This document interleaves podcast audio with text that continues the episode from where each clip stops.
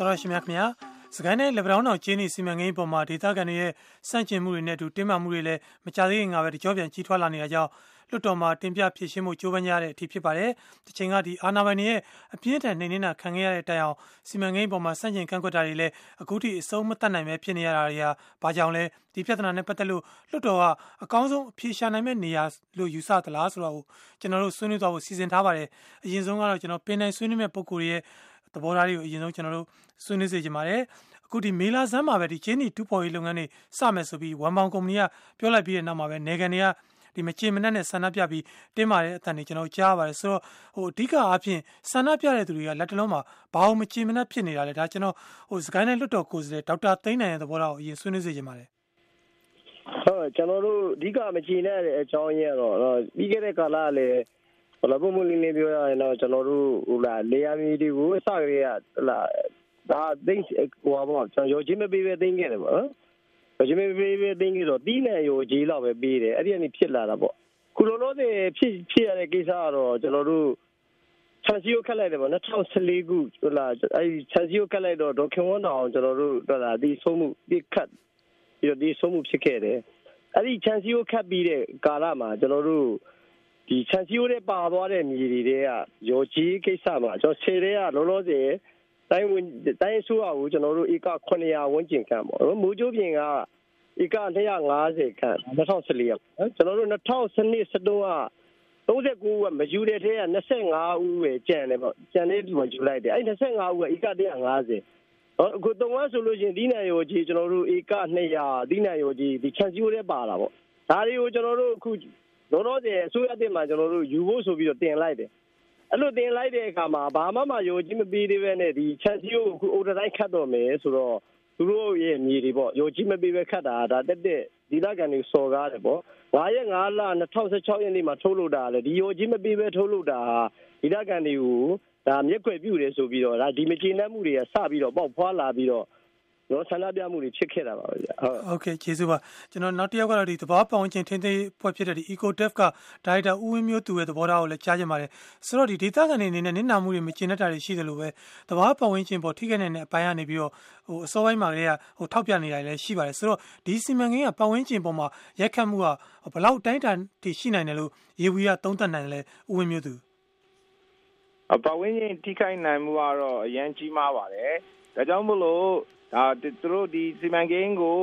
ကောင်တယ်ပေါ်တဲ့လူတွေနေနဲ့ဆိုတော့ပြောလို့ပတ်ဝန်းကျင်ထိခိုက်မှုဆန်းစစ်ခြင်းပေါ့ EIA SIA ပေါ့နော်ဒီထဲမှာပါတဲ့လုပ်ငန်းစဉ်တွေကိုသေချာတိကျကျလုပ်ကင်ဖို့လိုပါတယ်တော်တော်လည်းပဲကျွန်တော်တို့လက်ရှိကြားသိနေရတာကเนาะဒီဆုံးကောကော်မတီရဲ့ဆောင်ရွက်ရမယ်ဆိုတော့လမ်းညွှန်ထားချက်တွေတောင်မှပြည်ပြဝမဆောင်ရွက်တဲ့ခါကျတော့ပတ်ဝန်းကျင်ထင်းထင်းနဲ့ပတ်သက်ပြီးတော့ဘယ်လောက်ထိဆောင်ရွက်လဲဆိုတာကျွန်တော်တန်တရားရှိပါတယ်ကျွန်တော်တို့ရတဲ့သတင်းချက်လက်တွေရဆိုရင်ကို နော်သူတို့ရဲ့လုပ်ပုံကိုင်ပုံတွေကစနစ်ကြမရှိဘူးစနစ်ကြမရှိတဲ့အတွက်ဒီ acid တွေကနော် acid တွေကိုဒီမြေတွေကိုတူးပြီးတော့ acid တွေနဲ့ဖြော်ပြီးတော့နော်သူတို့ဒါကျင်းကြီးထုတ်တဲ့အခါမှာဒီ acid တွေမြေကြီးထဲဝင်အောင်ခင်းသွားတဲ့အခင်းတွေပေါ့နော်ဒါတွေကိုစနစ်ကြလုပ်ကိုင်ဆောင်ရွက်မှုတွေလည်းမရှိဘူးဆိုတော့ဒီ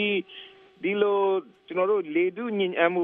လေတုညဉ့်ညမ်းမှုရောရေတုညဉ့်ညမ်းမှုရောမြေတုညဉ့်ညမ်းမှုရောပေါ့နော်ဒါတွေတစ်ခုလုံးကအဲ့ဒေတာတစ်ခုလည်းမဟုတ်ပဲねဒီဘက်မုံရွာမြို့ရော မုံရွာမြစ်ချင်းနှင်းမြစ်ကြီးတစ်ခုလုံးကိုပါထိခိုက်နိုင်တဲ့အနေအထားတွေဒီကိုဖြစ်သွားနိုင်ပါတယ်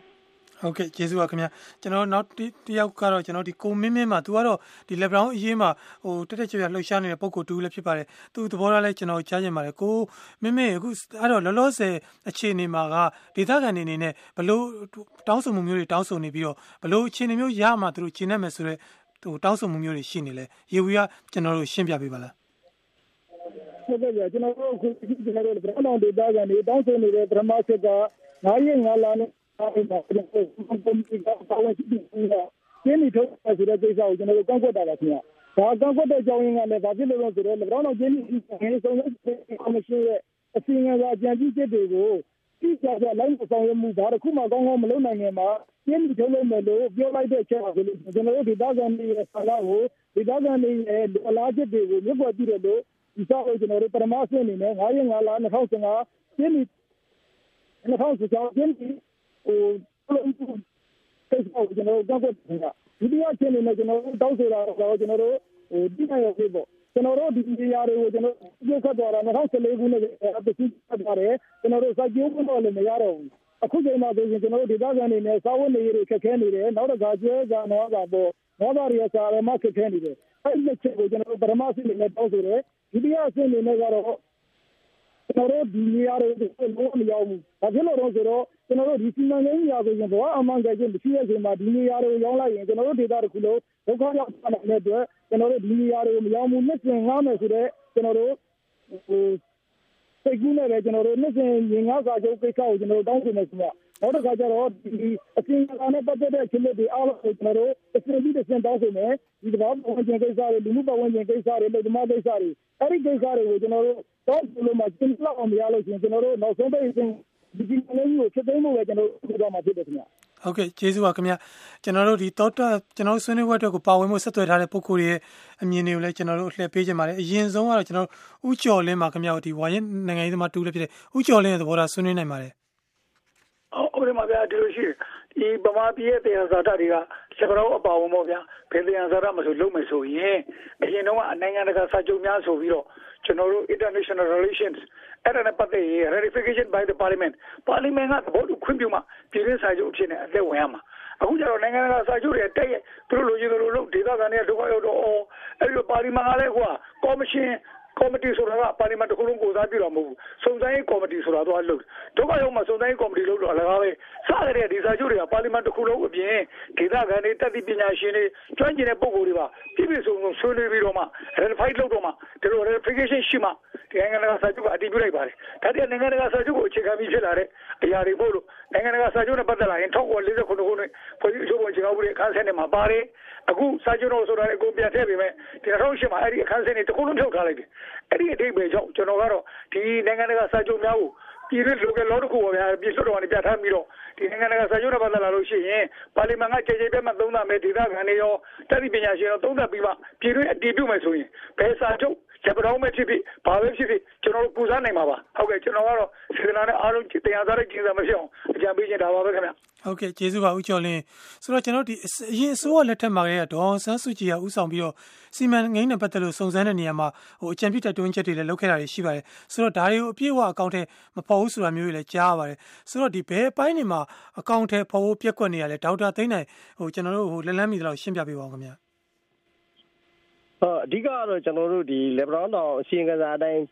လာဖော်ဆောင်မှုရှိမရှိဆိုတာကတော့ကျွန်တော်တို့ဒီစီမံကိန်းအတွင်းကဒါကျွန်တော်တို့ဖွဲ့စည်းပုံအရလည်းဒါပြည်တော်စုအဆင့်တို့တိုင်းဒေသကြီးအဆင့်တို့တော့ဖွဲ့စည်းပုံအရကျွန်တော်တို့ကန့်တတ်ထားတာအများကြီးရှိတယ်ဗျာနော်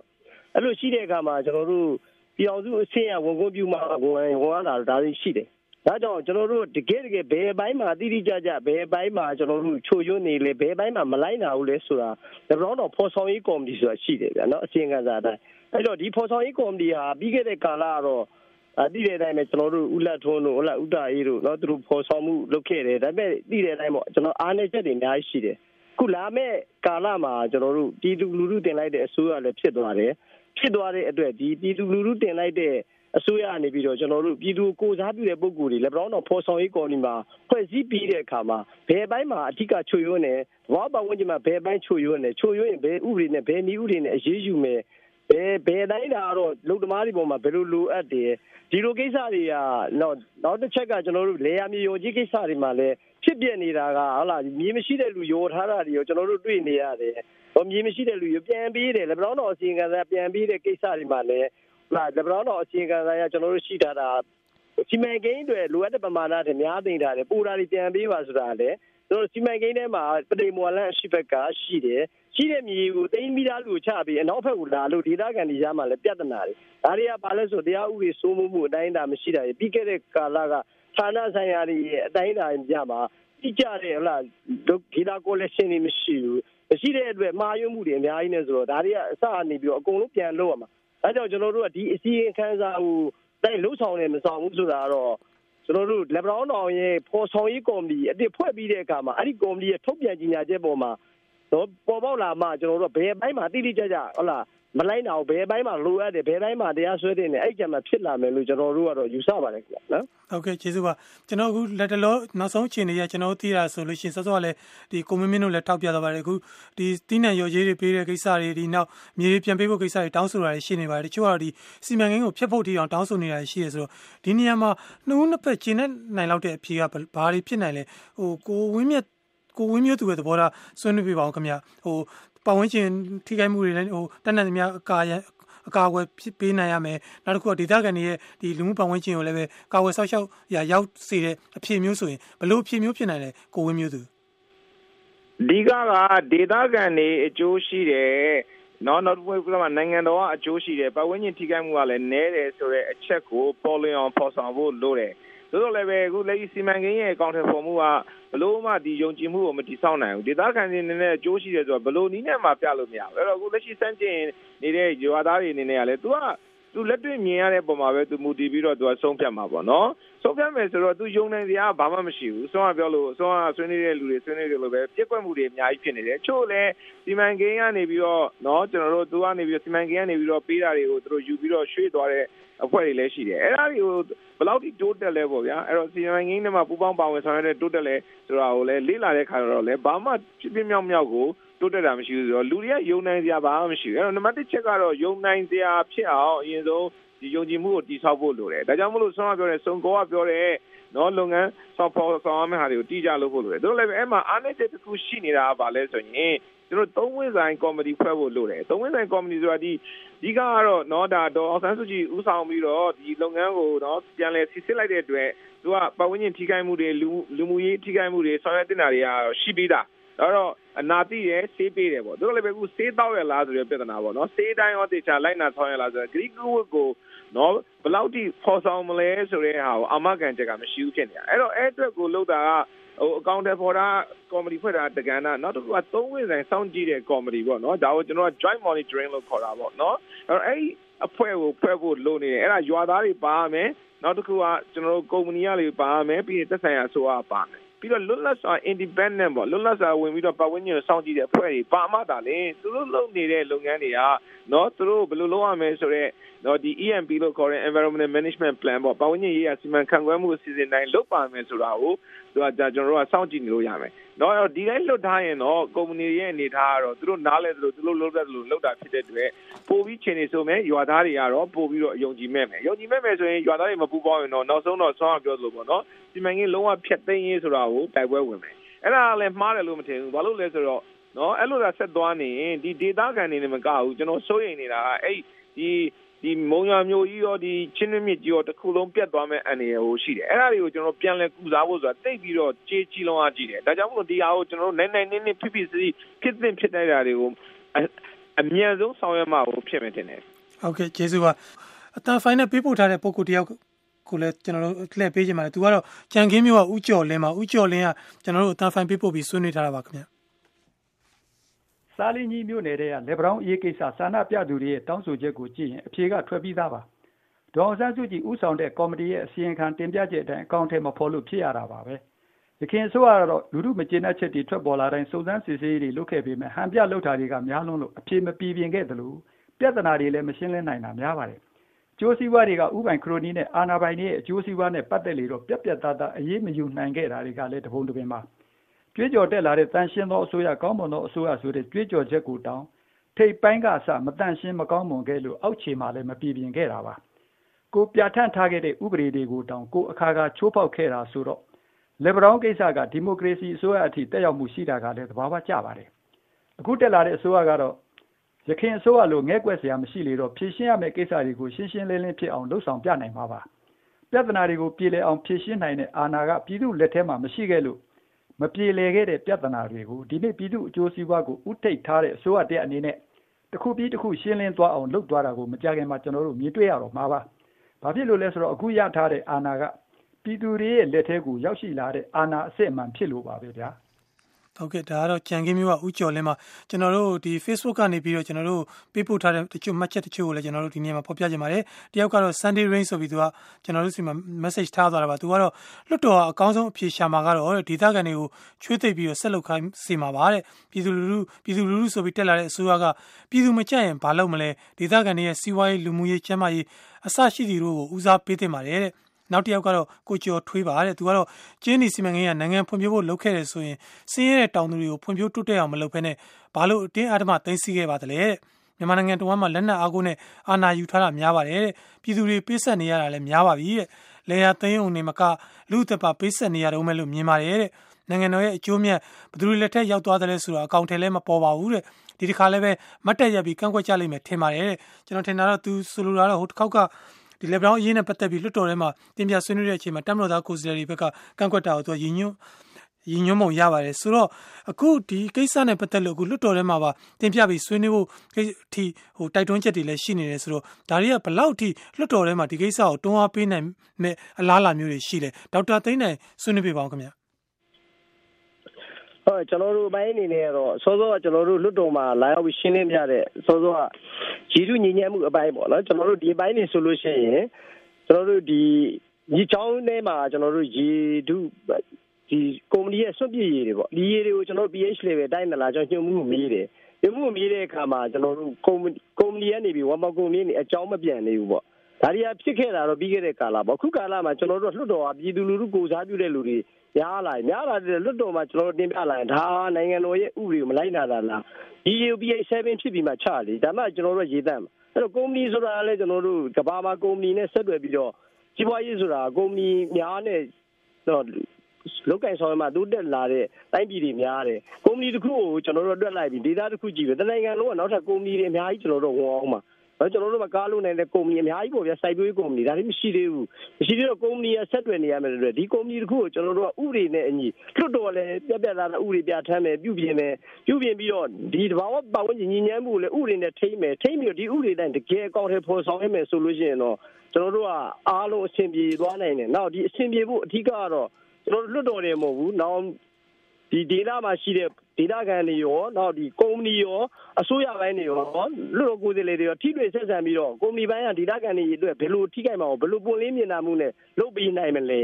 တော့အဲ့တော့ကုမ္ပဏီကနေပြီးတော့ဘာလုပ်ပေးမှလဲတော့အစိုးရဘယ်လိုကာကွယ်ပေးမှလဲဒီလိုထိတွေ့ဆက်ဆံမှုမျိုးတွေများများနဲ့ကျွန်တော်တွားဖို့လည်းလိုတယ်ဒါကြောင့်ကျွန်တော်လွတ်တော်ပိုင်းအနေနဲ့ကတော့အဓိကလုပ်သွားမှာတွေကတော့ကျွန်တော်တို့တတ်နိုင်တယ်များပြီးခဲ့တဲ့ကာလကလည်းကျွန်တော်တို့လွတ်တော်ကြီးဟိုလိုစတာမဟုတ်သေးပေမလို့ သူတို့ရေရင်းမြစ်တွေလာတယ်ကျွန်တော်တို့တဘောပါဝင်ကျင်လာတယ်မေးစရာရှိတယ်မေးမှာပဲဒါဘာကြောင့်လဲအဲ့ဒီပေါ်အဖြေတွေ့ရင်ကျွန်တော်တို့ဘာလုပ်ရမလဲဆက်ဆက်ပြီးတော့ပြည်သူကိုစားပြုတဲ့လွတ်တော်အမတ်တွေများပါတယ်ပြီးခဲ့တဲ့လွတ်တော်လို့မဟုတ်ဘူးဒါကြောင့်ကျွန်တော်တို့ရှေ့လျှောက်အရှင်ရလာရင်တော့ကောင်းပါအခုမှကျွန်တော်တို့အစရှိသေးတော့တော့ကျွန်တော်တို့ခုရေတွန်းသူခုရေကြီးတော့လို့မဖြစ်သေးတော့ရေနောက်တွေကျွန်တော်စုပ်ထုတ်နေအောင်ပါပါဒါကြောင့်ပြည်သူလူထုအနေနဲ့လည်းဖြည်းဖြည်းချင်းစောင့်ပြီးတော့ကျွန်တော်တို့ လုတ်သွားမှအနာဂတ်လည်းလှမှာဒီတိုင်းပြန်သွားရင်ကျွန်တော်တို့ကောင်းမှာမဟုတ်ဘူးဒါကြောင့်ဖြည်းဖြည်းချင်းနဲ့ကျွန်တော်တို့လွတ်တော်ပိုင်းလည်းလှုပ်ရှားရှိတာလှုပ်သွားမှာပါလို့ကျွန်တော်ပြောချင်ပါတယ်ခင်ဗျာနော်ဟုတ်ကဲ့ကျေးဇူးပါကိုအခုကျွန်တော်တော်တော်ရှင်စစဦးစောလွင်ကိုကျွန်တော်ပြန်ပြီးဆက်သွယ်လို့ရပါတယ်ဦးစောလွင်ရဲ့သဘောထားလည်းဆွေးနွေးနိုင်ပါတယ်ခင်ဗျာဟုတ်ကဲ့ဒီလက်ပြောင်းတော့အရင်ရောဘာရောတနိုင်ငံလုံးမှာတရားဥပဒေစိုးမိုးမှုကအင်နဲ့တင်းနေနေပါတယ်ဒါကြောင့်ကျွန်တော်တို့မြန်မာနိုင်ငံတို့ဒီအခုလွတ်တော်မှာလည်းပဲ နောက်ထပ်ကြီးများတဲ့လူအချင်းကိုပြပြနိုင်မှာမဟုတ်ပါဘူးဖြည့်ပြပြနိုင်မှာမဟုတ်ပါဘူးဘာလို့လဲဆိုတော့တမ်လို့ကနေပြီးတော့တမလာယူကြတဲ့အခွင့်အရေးကိုမဖြောက်ရှင်းနိုင်မမြလုံးဝတရားဥပဒေစိုးမိုးမှုမရနိုင်ပါဘူးနောက်ထပ်လေကြံ့ကွက်မှုတွေဆန္ဒပြမှုတွေစူမှုတွေဖြစ်လာမှာပဲဟုတ်ကဲ့ခင်ဗျနောက်ထပ်ဒီခွင့်ရမှုကိုပြောပါရအောင်ဟုတ်ကဲ့ကျေးဇူးပါခင်ဗျ အခုဒီမှာတော်တာရှင်ဦးစောလွင်ကလည်းပြောသွားပါတယ်နောက်စောစောကလည်းဦးကျော်လင်းစာထဲမှာလည်းထောက်ပြထားပါတယ်အခုဒီ level ကိစ္စမှာအကျိုးစီးပွားကိစ္စတွေကလည်းပြဿနာတစ်ခုဖြစ်နေတယ်ဆိုပြီးတော့ပြောပါတယ်အထူးသဖြင့်ကတော့ဒီ one bound နဲ့ဖက်ဆက်လုပ်ထားတာလည်းကျွန်တော်တို့စစ်တပ်ကပိုင်းနဲ့ဥပိုင်ကုမ္ပဏီကလုပ်ငန်းဖြစ်နေတယ်ဆိုတော့ဒါတွေနဲ့ပတ်သက်တော့ဒီစစ်တပ်နဲ့လည်းဆက်နွယ်နေတယ်ဆိုတော့လွတ်တော်မှာတွန်းအားပေးဖို့ဆိုတာဘယ်လောက်ထိဖြစ်နိုင်ရရှိလဲကိုဝင်းမျိုးသူရဲ့သဘောထားဆွေးနွေးပါအောင်ခင်ဗျာ လွတ်တော်မှာတော့ဒါစစ်တပ်ရဲ့အကျိုးစီးပွားဆိုရင်တော့တပ်မဲ့ကိုယ်စားလှယ်တွေကတော့စန့်ကျင်မှာပေါ့လေတိုးတော့လည်းပဲဒီကောင်ကိုကျွန်တော်တို့ကင်တွင်နိုင်တာကဒီအုပ်ချုပ်ရေးအဖွဲ့ပေါ့နော်ဆိုတော့အနေနဲ့ကင်တွင်နိုင်တာကတော့ကျွန်တော်တို့ EITI process ရှိပါတယ်အဲ့တော့သို့တော်လည်း EITI process က EITI ကလက်ရှိကျွန်တော်တို့ဒါအစိုးရတက်တဲ့ချိန်မှာသူကခိုက်တဲ့အားဖြင့်ဘယ်လိုဆက်ဆောင်ရမယ်ဆိုတာဟိုကျွန်တော်လမ်းညွှန်မှုမရှိတော့ခိတ္တတက်နေပါတယ်ဒါတော့လည်းပဲကျွန်တော်တို့ဒီ EITI ရဲ့ level တွေကနေပြီးတော့ကျွန်တော်ဥပိုင်ရဲ့နော်ကျွန်တော်အကျိုးစီးပွားတွေကိုတရားဝင်စစ်ဆေးတာတွေအခုဆိုဥပိုင်ကကျွန်တော်တို့နော်ပြည်သူပိုင်ဖွဲ့စည်းဖြစ်သွားပြီပေါ့အရင်ကတော့စစ်တပ်ပိုင်ပေါ့အခုကတော့ကျွန်တော်တို့အများကုမ္ပဏီ public company လောက်လိုက်ပြီးဖြစ်တဲ့အတွက်လို့တို့ကျွန်တော်တို့စစ်ဆေးမယ်ဆိုရင်ချို့ဟာတွေကိုထိန်းချောင်းလို့ရပါတယ်ကျွန်တော်မြင်တာကတော့အစိုးရအဖွဲ့ရဲ့လုံနိုင်တဲ့စွမ်းရည်တန်းမှာဂိုင်းလုံနိုင်တာတွေအများကြီးပါပဲအဓိကကတော့ဒေသဆိုင်ရာအစိုးရအဝင်ကြီးချုပ်ပေါ့နော်အရင်ခေတ်တွေတုန်းကတော့အရင်ဝင်ကြီးချုပ်တွေကမလုပ်တဲ့အတွက်ကို သူတို့ကနေဟန်တာနေတဲ့အတွက်ကိုလုံနိုင်တရားရှိတာတွေမလုပ်တာပါအဲ့တော့ကုမ္ပဏီကိုသွားပြောရင်လည်းကုမ္ပဏီကပြန်ပြီးတော့သူကကျွန်တော်သိသလောက်ကတော့နော်ပြန်ပြီးတော့သူကအပြစ်လွှဲချမှာပဲသူတို့ကလှုပ်ချင်ပါတယ်ဒီသက်ဆိုင်ရာအစိုးရကြီးကမလုပ်ပါလို့ဆိုတော့ကျွန်တော်တို့ကဒီလိုပဲဗော်လီဘောလည်နေမဲ့သဘောရှိတယ်တို့တော့လေဒါကြောင့်မလို့ဒေသခံဒေသဆိုင်ရာအစိုးရဖွဲ့ကဒါကိုပြပြဝါနော်သူကဂိုင်းတွဲဆောင်ရွက်ပါအဲ့တော့ဆောင်းလို့ကျွမ်းကျင်တဲ့လူတွေအဖွဲ့တွေနဲ့ဒီအစိုးရရဲ့ နော်ကျွန်တော်တို့လုတ်ပိုင်ခွင့်အာဏာတွေကကင်မယ်ဆိုရင်တော်တော်များများကိုကင်နိုင်မယ်လို့ကျွန်တော်ထင်ပါတယ်လွတ်တော်ကလည်းဒါပံ့ပိုးပေးမယ်ဆောင်းရပြောလို့တက်ကနေပြီးတော့စန့်ကျင်မှုတွေကတော့ရှိနေဦးမှာပဲအဲ့တော့အဓိကအရေးကြီးတာကတော့ကျွန်တော်တို့ဒီဒေသဆိုင်ရာအစိုးရပါပဲကျွန်တော်အမြင်ရတော့ဟုတ်ကဲ့ကျေးဇူးပါကျွန်တော်ဒီအစီအစဉ်ဆုံးမသက်ခင်မှာဒီကိုမင်းမင်းကိုလည်းမေးချင်ပါတယ်ကိုမင်းမင်းတို့ဒီမှာလက်ပြောင်းရင်းနဲ့လှုပ်ရှားနေတဲ့သူတွေအနေနဲ့ဒီလွတ်တော်ကိုဘယ်လောက်အားကိုးလဲလွတ်တော်ကဟိုနဲ့ဒီအခုအခု အစိုးရတက်တက်လာတဲ့အချိန်မှာဒီအစိုးရတက်နဲ့ဒီလွတ်တော်နဲ့အပေါ်မှာကိုမင်းမင်းတို့တက်ကြွလှုပ်ရှားတဲ့သူတွေအနေနဲ့လက်ပြောင်းရင်းနဲ့ပတ်သက်လို့ဘယ်လောက်ထိမျှော်လင့်ထားလဲဟုတ်ကဲ့ကျွန်တော်တို့ဒီတက်ကနေနေကျွန်တော်တို့အားဆိုလို့ရှိရင်လွတ်တော်ကိုဟုတ်ဟုတ်တယ်အခုလို့ဆိုတော့လွတ်တော်ကိုကျွန်တော်တို့ပြည်သူလူထုကရွေးချယ်တင်ပြတဲ့ကိုယ်စားလှယ်တွေတက်သွားတယ်အဲကြောင့်လို့ဒီကလာတော့အဲ့ဒီကုသတော်ကျွန်တော်တို့အားကိုးတဲ့လက်ကိုရောင်းကိစ္စဆိုလို့ရှိရင်အခုလက်ရှိကျွန်တော်တို့ဒေသအီလက်တော်ပြည်သူလက်တော်ကိုလည်းကျွန်တော်တို့ဒေသခံတွေရဲ့ ဒေသနဲ့စာနာတွေတောင်းဆိုချက်တွေကျွန်တော်တို့ပို့ထားတယ်။ဒါကလည်းပြည်သူမျိုးရကျွန်တော်တို့မြင်နေတော့ကိုယ်လည်းကကျိုးစားတာတယ်။လွတ်တော်ကဒီတော့ပြည်သူလူထုရဲ့လူလာချက်တွေကျွန်တော်တို့ဒေသခံတွေဆိုချက်တွေဟိုအကောင်းဆုံးဖြစ်ရှင်းပြနိုင်မလို့မယ်လို့လည်းကျွန်တော်တို့ပြန်မှန်းထားကြပါအဲ့လောက်ပါပဲ ဟုတ်ကဲ့ကျေးဇူးအများကြီးတင်ပါတယ်ခင်ဗျာစကိုင်းတိုင်းလွတ်တော်ကိုယ်စားဒေါက်တာသိန်းနိုင်သဘောပေါင်ခြင်းထင်းထင်းအဖွဲ့ EcoDev ကဒါရိုက်တာဦးဝင်းမျိုးသူနောက်စာရီအတန်ဖိုင်နေနဲ့ပေးပို့ကြတဲ့သောတာရှင်တွေအားလုံးလည်းအထူးကျေးဇူးတင်ပါတယ်ခင်ဗျာ